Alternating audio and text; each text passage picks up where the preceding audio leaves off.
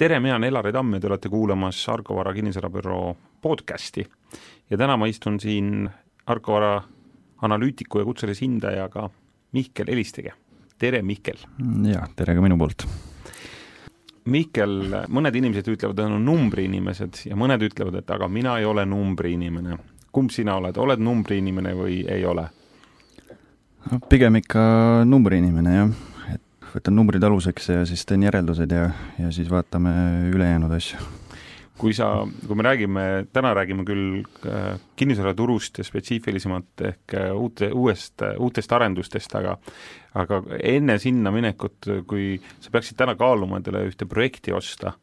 et kuidas see jaguneb, et jah, ma saan aru, et üks on see, et sa paned investeeringu nagu Exceli tabelisse, aga sellest ju ei piisa, et kui palju siis see, ütleme siis, mis see proportsioon on, et Excel ja usk, et kui palju seal peab olema usku sellesse projekti ja kui palju siis numbrid, millesse sa pead uskuma? Noh, enamasti Excel on ikka alustuseks, aga kui me näiteks tänase turusituatsiooni võtame ja need emotsioonid, mis täna ütleme, investoritel meeles valitsevad, et pigem on see, et see Excel näitab, et numbrid küll kokku ei jookse, aga kuna rahaga midagi targemat peale pole ka hakata, et siis äh, on näha, et turul ikkagi võetakse neid projekte ette. ehk siis äh, realiseeritakse madalam tootlusmäär kui ma iseennast vaatan, siis äh, praegu investeeringutega, mis ma viimase pooleteist aasta jooksul teinud olen, on täpselt samasugune tendents. ehk siis turul ei ole piisavalt atraktiivseid äh, varasid, kuhu raha paigutada, aga kuna sul mitte midagi muud üle ei jää ja passiivset rahavoogu ei taha madalamaks ka lasta, kui ta siin varasemalt olnud on, et siis sa lihtsalt pead leppima nende veidi kehvemate investeeringutega. ehk siis võtma vähe suurema riski väiksema tootluse juures. ehk siis usk peab olema suurem usk, usk peab äh, suurem olema jah, et kui varem äh, Excel kaalus usu üle, siis äh, nüüd hakkab vastupidi minema. Nüüd läheb, no see on selline turuolukord. räägime natuke uusarendust turust üldisemalt Eestis, et need jagunevad täna ju pelgalt vist kahe linna vahel, me ei saa rääkida täna uusarendust või kolme, me ei saa täna rääkida väga väikelinnade kinnisvaraarendustest või arendusmahtudest, me tegelikult neid põhimõtteliselt ei ole jah, vastab tõele, et ütleme, Tallinn ja selle lähiümbrus on siis äh, põhimõtteliselt üks suur turg, siis tuleb Tartu koos selle lähiümbrusega ja siis üsna kaugele maha jääb juba Pärnu ja sellest veel kaugemale maha siis äh, mõned väikelinnad Eestis. see ei tähenda, et väikelinnades ei ole vajadust uue kinnisvara järgi, lihtsalt äh, siin on oma nagu selged põhjused, miks täna väikelinnades pank tegelikult uusarendust ei finantseeri jah, võib-olla ütleme, see probleem hakkab isegi kaugemalt, et kuna väikelinnades hinnatase võrreldes siis ehitushinnaga, mis teadupoolest pea kõikides Eesti piirkondades on suhteliselt sarnane, see siis ei jookse kokku nende varade turuväärtusega, ehk siis arendajatel äh, ei ole võimalik sealt kasumit teenida. ja põhimõtteliselt siis on võimalik ehitada neid korterelamuid ja põhimõtteliselt on ka ostjaid, nagu me tänases turusituatsioonis näeme, aga mis probleem on, on see, et valdav enamus kinnisvaratehingutest tehakse pangalaenu kaasabil ja pank on siis nõus finantseerima neid varasid ainult selles mahus, nagu näitab siis äh, eksperthinnang, ehk siis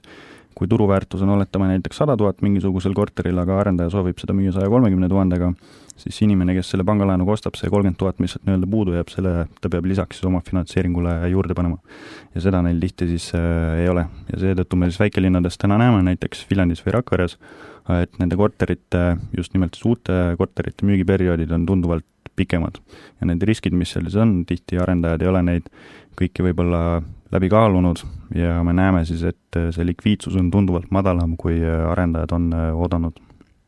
ma eelmine nädal just olin Rakveres ja seal kohaliku maakleriga Andrus Peiliga sõitsin linna läbi ja ta viis mind siis kohalikku, ütleme siis arenduspiirkonda või piirkonda, kus siis kinnisvara arendatakse, see oli siit, siit äh, pulli poolt vasakul pool või, seal teatri taga.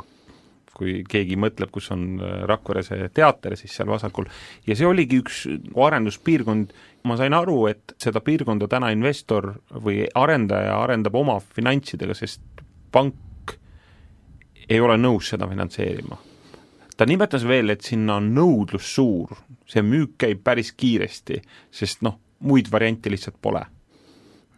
Jah, et kui me näiteks konkreetselt Rakvere tänasel hetkel võtame, siis uute korterite turu osas, seal on tõesti põhiliselt üks väike nii-öelda mikroasum, see on siis Maidla uuselamute piirkond, seal siis alustati uusehitust ütleme, circa kümme aastat tagasi, mõned projektid läksid seal halvaks, need lõpuks ikkagi siis müüdi ära, osa neist müüdi nii-öelda hulgi ostjatele ja tänase siis kasutsükli vältel seal on ehitusaktiivsus hakanud taas tõusma. ja kuna väikelinnades siis tehingute arv vahepeal on oluliselt langenud, mitte seetõttu, et nõudlus oleks tugevalt langenud, vaid just seetõttu, et pakkumiste arv on vähenenud ja midagi lihtsalt ei ole turult osta.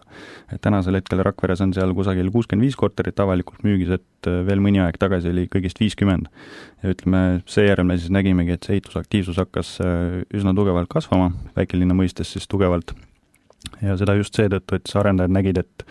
turul olemasolev pakkumine on suhteliselt äh, õhuke ja selle pakkumise kvaliteet on siis kehv. ehk siis neid potentsiaalseid ostjaid tegelikkuses, kes neid uusi korterid osta tahaksid, neid on suhteliselt palju. ja ainukesed probleemid sealjuures äh, ongi siis selles, et äh, pangad ei ole nõus finantseerima neid projekte ja ehitushind on siis niivõrd kõrge, et äh, need varad võrreldes nende järelturukorteritega, mis seal väikelinnas on, on oluliselt kallimad. Suhestatuna näiteks Tallinnasse või Tartusse, kui me vaatame siin maakalapiirkondade ja uute korterite nii-öelda hinnataset. Ilmselgelt suured pangad äh, mõistavad oma riski teistmoodi kui, kui seda crowdfunding äh,, ühisrahastus, kas äh, ühisrahastus oleks justkui vastus taaskord väikelinnade nagu arendusprobleemile, kus suurpangad pigem kaasa ei tule. kui sa ütlesid, et suhteliselt suur oleks see nõudlus ja täna pank ei taga seda, ei hinda seda riski mõistlikuks, siis mis on nagu lahendus sellele või, või siis see ongi pigem, et üksikud arendajad, kes siis oma raha eest äh, seda teevad? see on niisugune võib-olla natuke pikem arutelu küsimus, aga ütleme, turg ise põhimõtteliselt on võimeline seda probleemi lahendama, ehk siis seda finantsturu probleemi. ehk äh, praegu niigi me näeme ka Tallinnas, Tartus, et äh, laenuraha üldine kättesaadavus arendajate jaoks on halvenenud, intressid on kasvanud, et see siis on soodustanud ennekõike nende alternatiivsete finantseerimisviiside atraktiivsuse kasvu, ennekõike siis ühisrahastus. aga väikelinnad on noh, just sellised piirkonnad, et äh, ka need ühisrahastajad siis tõenäoliselt näevad neid piirkondi suhteliselt riskantsetena ja kuna see ühisrahastuse ütleme, intress, mida seal nii sellele portaalipidajale kui ka nendele investoritele tasuma peab, et see lõppkokkuvõttes on ikkagi suhteliselt äh, kallis kapital. ja väike, väikelinnas sellist riski võtta, kui seal müügiperioodid oluliselt pikemad on kui Tallinnas, Tartus, et noh, see, see on niisugune olukord, et seda saaks lahendada niimoodi, kui kapitali hind alla tuleks, aga kus see odavam kapital tulema peaks, et see on samamoodi jällegi probleem, aga seda, et nüüd me peaksime mingisuguse munitsipaalpanga looma või riik hakkaks äh, käendama või keegi garanteerima neid laene, mis väikelinnadesse antakse, et seda ma, ma kindlasti nii-öelda ei soovitaks või ei pakuks äh, võimalusena välja. räägime nüüd väikelinnadele kõrvale suurtest linnadest, Tallinnast ja Tartust. Äh, statistika ütleb, et aasta esimese kümne kuuga vähenes Tallinna elanike arv kümne tuhande jagu ja Tartu elanike arv äh, seits-, tuhande seitsmesaja inimese võrra. Kuid-, kuidas sellised numbrid kohalikku, ütleme, kinnisvaraturgu mõjutavad? et kui Tallinnaga alustada, siis ütleme, valdavas osas see elanike arvu langus tulenes mitte sellest, et äh, inimesi oleks järsku vähemaks jäänud, vaid äh, meil lihtsalt administratiivüksuse siseselt kustutati need nii-öelda fantoominimesed sealt registrist, kes siis äh, ei omanud seda füüsilist äh, elukohta Tallinnas, et nad olid küll Tallinnasse sisse kirjutatud, aga mitte ühessegi nii-öelda eluruumi. ja need inimesed siis kustutati registrist ja siis statistiliselt vaadatuna justkui tundus, et elanike arv langes. et et äh, teine nii-öelda osakaal, mis sellest tuli, on see, et meil on valglinnastumine hoogustunud, ehk siis äh, Tallinna lähiümbruses ehitusaktiivsus ja tehingute arv on tugevalt hakanud kasvama uute korterite segmendi lõikes ja suur hulk inimesi siis on keskusest välja kolinud selle lähiümbrusesse. kui ma korraks peatan siin, et kuulaja saaks nagu selgelt aru, valglinnastumine, see tähendab sisuliselt seda, et inimesed kolinevad, kolivad äh, linnaäärsetesse asumitesse Äh, jah, linnast äh, välja, ütleme Peetrisse, Rae valda või siis Viimsisse näiteks või Tabasalu alevikku ja nende lähiümbrusesse. eks nad teevad seda ennekõike seetõttu, et seal on kinnisvara odavam ja seal on elukeskkond äh, võib-olla meeldivam, kui keegi tahab näiteks lapsi kasvatada või siis see on alles plaanis. ja kui Tartusse lähme, et ma ei tea küll, kust andmebaasist sa need andmed said, aga minule teadaolevalt alates aastast kaks tuhat viisteist äh, Tartus elanike arv on ainult paarisaja elaniku võrra kasvanud, et põhimõtteliselt on suhteliselt analoogsel tasemel püsinud seal saja tuhande all veidikene. et Tartus see valglinnastumine siiamaani on olnud äh, oluliselt nii-öelda tagasihoidlikum kui Tallinnas, et see oli suhteliselt laiapõhjaline veel seal aastatel kaks tuhat kolmteist, neliteist, kui keegi näiteks teab, et äh, Raadi mõisapargi vastas siis äh, hästi palju korterelamuid kerkis nii-öelda põllumaa peale siis äh, põhimõtteliselt väljendatuna. et sel ajal neid kortereid müüdi seal väga kiirelt, väga edukalt, aga tänaseks hetkeks seal kõik on suhteliselt täis ehitatud ja uusi projekte ei ole siis enam samas tempos lisandunud, mistõttu siis valglinnastumine Tartu lähiümbruses on aeglustunud, mida hoiab siis ennekõike ridaelamukorterite turg tänasel hetkel. uusarendusi tuleb Äh, järjest vähem peale või ütleme siis, äh, arendajad võtavad arendusi vähem ette. Äh, seda näitab statistika, sa võid seda täpsustada. teine pool on just see, et aga inimene tahab paremat elujärge, inimene tahab uut kodu, värskemat kodu ja vanemad kodud vananevad praegu kiiremini võrreldes selle, kui palju uusi peale tuleb. mis on alternatiiv, kas renoveerimine, kas me näeme järgmiste aastatega või kui see tsükkel peaks tekkima seda, et suurem raha läheb siis lihtsalt vana taastamisse? Et kui me ehitusaktiivsust selle aasta esimese kolme kvartali vältel vaatame, siis Eestis tervikuna uusi elamuühikuid, ehk siis nii kortereid, ridaelamuid, üksikelamuid kui kaksikelamuid on ehitama hakatud neliteist protsenti vähem kui eelmine aasta samal ajal aga kui ütleme, elamufondi jätkusuutlikkusest räägime, siis noh, jätkusuutlikuks peetakse, et circa üks protsent elamufondist peaks siis iga aasta nii-öelda taas kerkima. ehk siis Eesti puhul circa seal kuus tuhat, kuus pool tuhat korterit peaks näiteks aastas valmima, tänasel hetkel see elamuühikute arv on seal kusagil kolm pool tuhat. nii et aga, poole vähem sisuliselt? jah, et sisuliselt poole vähem, aga kui me vaatame nii-öelda, mis Eestis toimub, et äh, näiteks võtame Ida-Virumaa äh, linnad ja vaatame seda elamufondi seal, et pidada seda nii-öelda võimalikuks, et me kõike seda uuendama hakkame, et noh, esiteks tekib küsimus, et kas sellel on üldse vajadust nendes piirkondades, kus siis elanike arv perspektiivis jätkab vähenemist, elanikkond jätkab vananemist, et et see on niisugune kahe otsaga asi, et kui me Tallinna võtame, siis äh, siin nii-öelda olukord on suhteliselt positiivne. et see rekonstrueerimine on pigem ette kerkinud just nendes samades mahajäänumates piirkondades, kus siis neid uusi kortereid ei saa just sellel samal põhjusel turule tuua, kuna ehitushind on nii-öelda oluliselt kõrgem kui turuväärtus. ja kui me vaatamegi, näiteks jällegi tuleme Rakvere linna juurde tagasi, siis väikelinnades äh, Rakvere on kõige enam rekonstrueeritud korterelamutega piirkond Eestis, suhestatuna siis elamufondi. eks kui keegi hiljaaegu Rakveres on käinud, seal peaaegu kõik korterelamud on rekonstrueeritud, valdavalt siis KredExi käendusega. sealjuures on kasutatud enamikel juhtudel maksimaalselt seda toetusraha aga kui me vaatame, palju KredExist nii-öelda raha tulevikus lisanduma hakkab, siis teadupoolest see on vähenemas, ennekõike siis Euroopa Liidu struktuurfondide vähenemise tõttu. eks perspektiivis Eesti peab hakkama ise hoolt kandma selle üle, et äh, see elamufondi nii-öelda jätkusuutlikkus püsiks. ja, ja see mure pigem täna ongi suurem väikelinnades, kus tegelikult, kuna pank ei tule kaasa või ei võta riski ja äh, ettevõtjaid, kes täna oma äh, osaluse ütleme siis mängu pannakse sajaprotsendilise, ei ole nii palju või see risk ei ole taas, siis tegelikult justkui ei jääkski muud üle, kui ikkagi oodata, aga mida?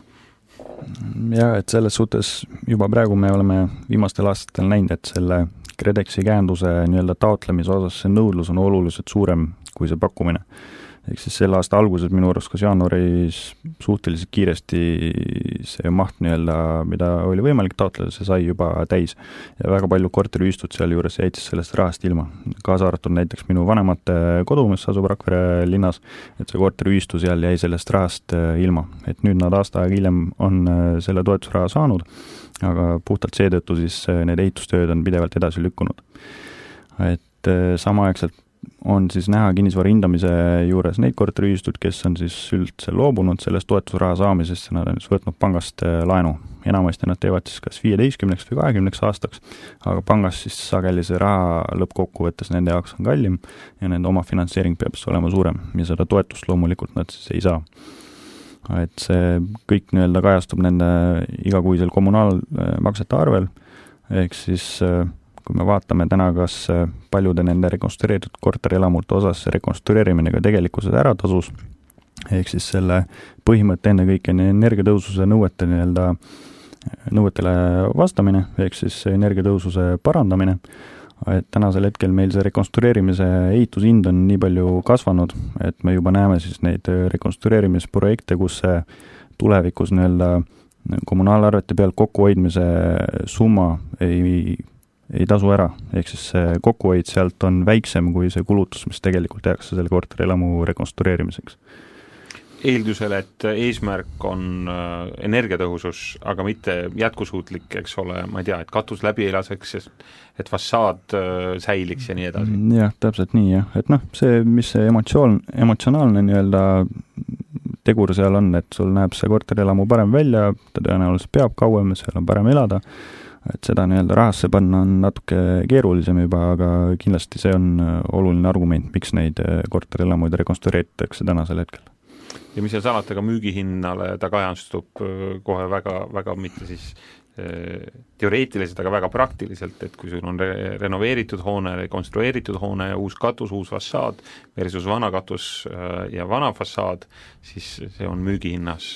turuhinna mõttes ka erinev. jaa, et kui näiteks Viljandi ja Rakvere võtta, siis siin aastatel ütleme kaks tuhat viisteist kuni kaks tuhat seitseteist, kui veel turul hästi palju selliseid rahuldavas seisukorras äh, kortereid oli müügil, mida oli siis võimalik nii-öelda flip ida, et sealjuures äh, väga paljudele tuttavatele alati soovitasin, et lihtsalt osta mingisugusesse korterelamusse korter, mida hakatakse varsti rekonstrueerima. ja samaaegselt siis planeerid need siseviimistlustööd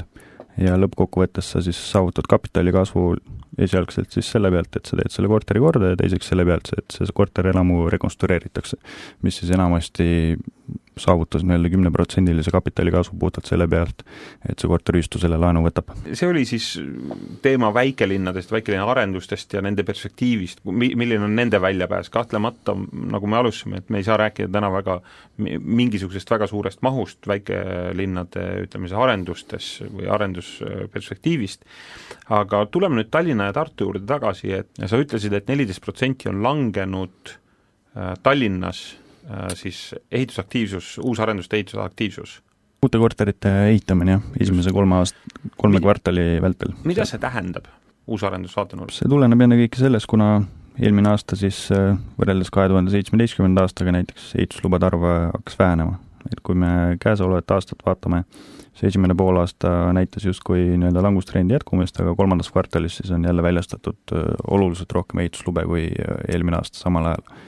mis tähendab seda, et tõenäoliselt suur hulk nendest hakatakse realiseerima lähitulevikus. Ja see langus tõenäoliselt siis ehitusaktiivsuse alanemise osas ei jätku samas trendis, nagu ta võib-olla siiamaani on olnud, et noh nii et pigem see, see taastub? Äh, kas ta just taastub, et see on niisugune kahe otsaga asi, et kui me vaatame praegu, palju uusi ehituslube hakatakse realiseerima näiteks kuue kuu jooksul, siis see näitaja on äh, võrreldes varasemate aastatega hakanud alanema, mis tuleneb ennekõike sellest, et äh, arendajad küll tahaksid ehitama hakata, aga seesama põhjus, et pangad ei ole nõus neile raha laenama või ei ole nõus seda tegema sellistel tingimustel, nagu veel mõni aeg tagasi, see siis on tagasi hoidmas seda ehitusaktiivsuse kasvu. ja teine asi muidugi see, et turul kinnisvarade üldine hinnakasv äh, on aeglustunud, aga ehitushinna kasv siis tükk aega ületas kinnisvarade üldise hinnakasvu, mis on viinud selleni, et arendajate marginaal on alanenud paljud arendajad siis tänases turusituatsioonis ei pea mõistlikuks äh, uute projektide algatamist. kliendid tahavad jätkuvalt osta uut. Äh, see nõudlus ei ole kuhugi kadunud ehk siis see, mida me näeme, miks äh, arendusprojekte tuleb vähem peale, ei ole mitte sellepärast, et kliendid on kuskile ära kadunud, et ma usun, et meie kuulajate seas on ka inimesi, kes ütlevad, jaa, ma tahaks osta, aga ma ei tea, kas kinnisvara hind on nii kõrge ja sa nimetasid veel seda, et, et kuna pankade siis ütleme siis see laenupoliitika on oluliselt karmistunud meie projektide suhtes, et need on need peamised põhjused, miks tegelikult kliendid, kes tahaksid osta, tegelikult noh, ütleme, ei jaksa või ei saa. et noh, ütleme tegelikult, kui me vaatame tarbija käitumist, erinevaid nii-öelda analüüse või küsitlusi selles osas, kes tahaksid tulevikus äh, uut elamispinda soetada, siis need numbrid on samuti languses. ehk siis äh, võrreldes varasemate aastatega neid nii-öelda potentsiaalseid kliente, kes turule võiksid justkui tulevikus lisanduda, see ei ole siis kasvamist äh, Nende arv väheneb hoopis? jah et ennekõike see tuleneb siis sellest, et meil demograafilised tegurid äh, sunnivad siis äh, noorte osakaalu langemise tõttu siis turuaktiivsust alanema perspektiivis ja teine asi muidugi see, et me võime korteriturgu ennekõike näiteks Tallinnas pidada mingis mõttes küllastunuks. eks kui me vaatame, kui kaua käesolev kasvutsükkel on kestnud, põhimõtteliselt aastast kaks tuhat kümme, ja näiteks suvestame seda kas või eelmise nii-öelda buumiperioodi, kaua see tsükkel kestis, see on põhimõtteliselt kaks korda lühem periood. ehk siis tänasel hetkel, kui meil tööturg on olnud suhteliselt pikka aega positiivne, laenuturg on suhteliselt positiivne ja kinnisvaraturul nii-öelda pakkumine on olnud suhteliselt laialdane, et sellises olukorras äh, nii-öelda see paku või tähendab, nõudlus siis hakkab äh, suhteliselt loomulikul teel äh, alanema. ehk siis nende ostjate arv ei saa pidevalt kasvada. ennekõike siis olukorras, kus meil Eestis elanike arv on siis marginaalses kasvus ainuüksi seetõttu, et meil sisseränne on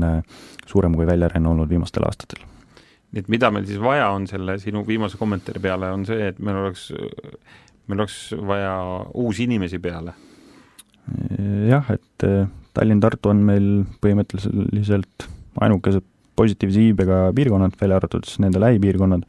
aga kui me ülejäänud Keskus-Eestis vaatame, siis äh, seal nii-öelda elanike arv väheneb, elanikkond vananeb, et äh, see on ka Lääne-Euroopa riikidele sageli omane, et et neid demograafilisi probleeme kuidagi kiirelt lahendada paraku ei ole võimalik jah, sellepärast et äh, laps tuleb siia ilma üheksa kuuga ja enne seda on vaja keskkonda ja perekonda ja kõike seda, et et me räägime täna kinnisvarast, me ei saa kinnisvarast rääkida ilma tegelikult äh, siis inimeseta ja ja selle demograafilise ütleme siis dimensioonita.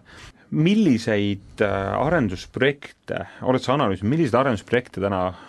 enam peale tuleb, on see siis korteriarendus või eramud või ridaelamud, mida täna klient ennekõike otsib? ma arvan, et äh, ei ole vahet, mis aastaga nii-öelda tegemist on, et enamasti kortereid hakatakse ikkagi kõige rohkem ehitama ja sellele siis sageli järgnevad üksikelamud ja siis tulevad ridaelamud. et see üksikelamute ja ridaelamute nii-öelda osas ehitusaktiivsusega või ütleme, ehitamisega alustamine on siis suhteliselt volatiilne, sõltub mingisugustest suurematest arendusprojektidest, aga korterite ehitamine siis alati on äh, kõrgem kui need ülejäänud, ülejäänud elamisturu nii-öelda segmendid. Ehk siis sellist, ütleme sellist uut metsaveeret siit Tallinna lähedal, Luige, Luige lähedal me me ei näe seal, kus on tead sul kaheksakümmend kuni sada eramut ja, ja ridaelamut äh, täitsa eraldi äh, siis arendusprojekt või selline asum tekitatud läbi arendustegevuse, et pigem me näeme täna selliseid kortermaja haaval tekkivaid jah, et ütleme, ridaelamud on pigem omased äh, sellele samale valglinnastumise trendile, et kui me näiteks Tartut see aasta vaatame, siis seal ütleme, ridaelamutega, ridaelamute osas siis ehitusega alustamine on circa kakskümmend viis protsenti kasvanud esimese kolme kvartali vältel, võrreldes eelmise aasta sama perioodiga. aga Tallinna lähiümbruses siis ehitusaktiivsus ridaelamute osas on peaaegu poole võrra vähenenud ehk siis selle aasta esimese kolme kvartali vältel meil alustati uute ridaelamute ehitamist põhimõtteliselt samas mahus nagu kaks tuhat kuusteist aastal samal ajal.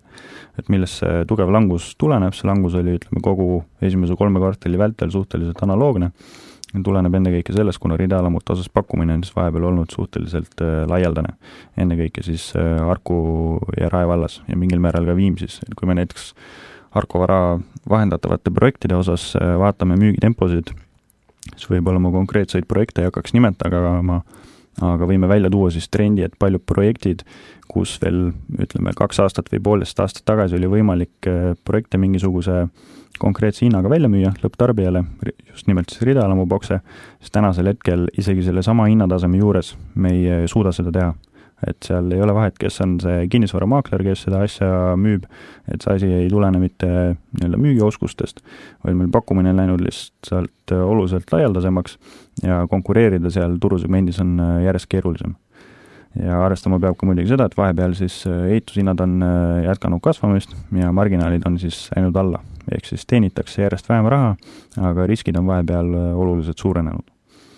no see kostub siis ka mõistlik, miks arendaja pigem seda riski ei võta, et kui tema kasum muudkui langeb ja risk muudkui kasvab, et siis sa pead mingi hetk nagu selle otsuse tegema, kuigi äh, ütleme, nõudlus, äh, nõudlus on ka, ka jätkuv mm, jah, täpselt nii, et kui me näiteks sedasama ühisrahastust vaatame, siis hästi palju ridaelamu pro-, projekte on sealt hiljaaegu läbi käinud. et äh, nii-öelda arendajad äh, kinnisvarabüroole siis sageli kurdavad seda, et kui nad on nii-öelda vähem tuntud arendajad või siis on mõne üksiku projekti elu jooksul ainult läbi viinud, siis pangad ei taha nende projekte finantseerida ka selles osas, kui lõpptarbija siis tahab sinna mingisugust ridaelamu boksi näiteks osta. seda siis juhul, kui seal ei ole kasutusluba. aga kui me võtame mingisugused äh, veidi tuntumad äh, arendajad, siis sageli seal sellist probleemi ei ole, ehk siis äh, nende nii-öelda alustavate ja kogenud arendajate vahel see finantseerimine on üks suuremaid äh, nii-öelda diferentse, ehk siis ühel on elu natuke kergem, teisel jällegi raskem. ja need, kellel nii-öelda tingimused keerulisemad on, nad peavad siis võtma suuremaid riske, kui nad tahavad selles äh, tegevusvaldkonnas tegutseda. milline on niisugune hea proportsioon äh, järelturu korteri ja uusarendus, võtame, võtame näiteks Mustamäe näite, oletame, et mul on seal Siilis, on neljandal korrusel kahetoaline Mustamäe ütleme siis järelturu korter, juba päris mitukümmend aastat vana, ja nüüd seal kõrval arendatakse uusi, et mis see hinnavahe võiks enam-vähem olla äh, proportsioonis? ütleme, kui järelturu hinna suhestame uute korterite nii-öelda keskmises hinda üle Tallinnas, enamasti see on seal ütleme ühe koma kolme juures see suve. aga kui me vaatame, kuidas hinnatasemed muutuvad tänasel hetkel turul, siis äh, uute korterite hinnakasv hiljaaegu on olnud selgelt äh, kiirem kui siis äh, järelturul, kui me vaatame mingisuguseid konkreetseid projekte. kui me turgu tervikuna vaatame, siis sageli kvartaalselt me näeme, et uute korterite hinnakasv on äh, olnud aeglasem kui järelturul. et selles suhtes selle korterituru hinnastatistika analüüsimine, et seal peab minema sageli suhteliselt süvitsi sellesse, et kõik nii-öelda pulkadeks lahti lüüa ja vaadata, mis siis täpselt erinevates äh, korterelamutes toimub, erinevates linnaosades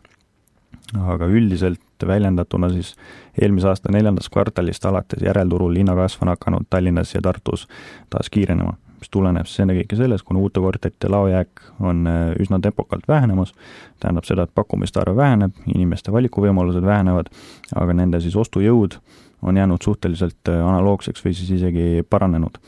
Ja see sunnib siis äh, hindu kasvama, kuna konkurents ühele nii-öelda korterile on äh, suurenenud. et kui me vaatame näiteks avalikke pakkumisi mõnes kinnisvaraportaalis tänasel hetkel Tallinna linnas, siis eilse seisuga oli seal alla nelja tuhande korteri natukene Tallinnas. et seda on äh, oluliselt vähem kui äh, veel aasta aega tagasi, et meil avalike pakkumiste arv on circa kakskümmend viis protsenti näiteks kv.ee baasil vähenenud et kui siin inimesed räägivad, et hinnad peaksid varsti langema hakkama, et siis mul on äh, kahju tõdeda, et, äh, et ma ei näe, et see kuidagi tänases turusituatsioonis juhtuma peaks, et siin veel mõni aasta tagasi oli, ütleme, kuus pool tuhat ühikut äh, nii-öelda turul, hinnad kasvasid veel kiiremini kui tänasel hetkel, et see, see ei tunduks loogiline, et praegu saaks väita, et sellise nõudluse ja sellise pakkumise juures hinnatase peaks alanema hakkama välja arvatud juhul, kui üldine majandus Euroopas või maailma tasemel seda mingitel välistel põhjustel sunnib? Jah, et muidugi ütleme seesama, et kui äh, Lehman Brothers näiteks äh, uksed kinni pani kaks tuhat kaheksa, et äh, sellist asja me muidugi ette ei näe, aga kui kõik sellised nii-öelda võimalikud ohud turult välistada, siis kui asjad edasi kulgevad sellises tempos ja selliste trendidega, nagu me täna suudame neid prognoosida, siis me ei näe mingisuguseid kardinaalseid muutusi lähitulevikus. et jah, kui ütleme, laenuturul peaks mingi oluline muutus aset leidma, kui pangast enam laenu ei saa, siis kahtlemata kinnisvaraturule see mõjub suhteliselt kiiresti ja äärmiselt negatiivselt. aga noh, samas jälle kõik need inimesed, kes ootavad, et ütleme, viiekümne protsendise hinnasoodustusega mingisuguseid kortereid osta, et siis ma võin teid lohutada, et kui selline olukord turul toimub, et siis te tõenäoliselt olete töötud ja pangast te laenu kohe kindlasti ei saa, täna, kus pakkumiste arv väheneb, me näeme pigem hinnakasvu me tegelikult näeme ka võimalikku hinnakasvu uusarendusturul, sest uusarendusturg samamoodi on pigem aeglustunud. kas seda võiks siis nii kokku võtta, et praegu on väga hea aeg osta, sellepärast et homme on juba kallim? jah, et kui kodu osta, siis äh, minu silmis ei ole väga vahet, et millal ma selle korteri ostan, et kui ma plaanin seal vähemalt viisteist aastat elada, siis ei ole vahet, et kas ma ostan ta tänases turusituatsioonis või siis nii-öelda tsükli põhjas, kui hinnad peaksid äh, madalamad olema et selles suhtes vaadates Eesti nii-öelda tööturgu, hinnakasv korterite osas tõenäoliselt perspektiivis äh, jätkub, et see, et äh, korterid odavamaks peaks hakkama minema pikaajalises äh, mõõtmes, seda kindlasti ei juhtu. et meil palgakasv siin hakkab küll aeglustuma, aga ta püsib suhteliselt tempokas siis pikema aja vältel ja raha on meil teadupoolest praegu suhteliselt odav, võrreldes näiteks kümne aasta, aasta taguse perioodiga. Ja arvestades, et meil siis Euroopa Keskpanga poolt kvantitatiivse lõdvendamise poliitika on äh, jätkumas,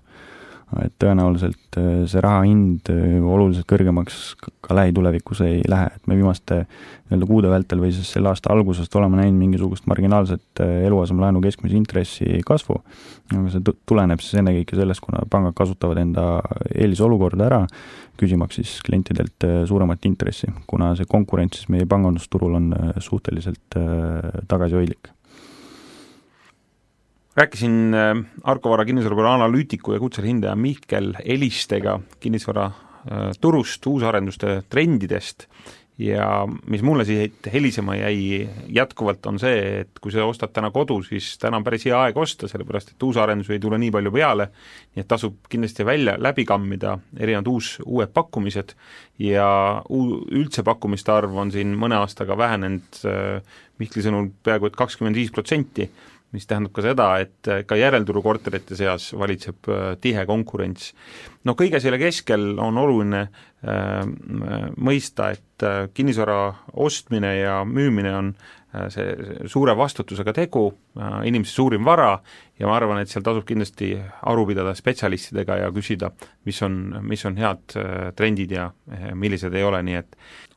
minu nimi on Elari Tamm ja te kuulasite Arko Vara kinnisvarabüroo podcasti, rääkisime täna uusarenduste trendidest Arko Vara kinnisvarabüroo analüütiku ja kutseline hindaja Mihkel Elistega.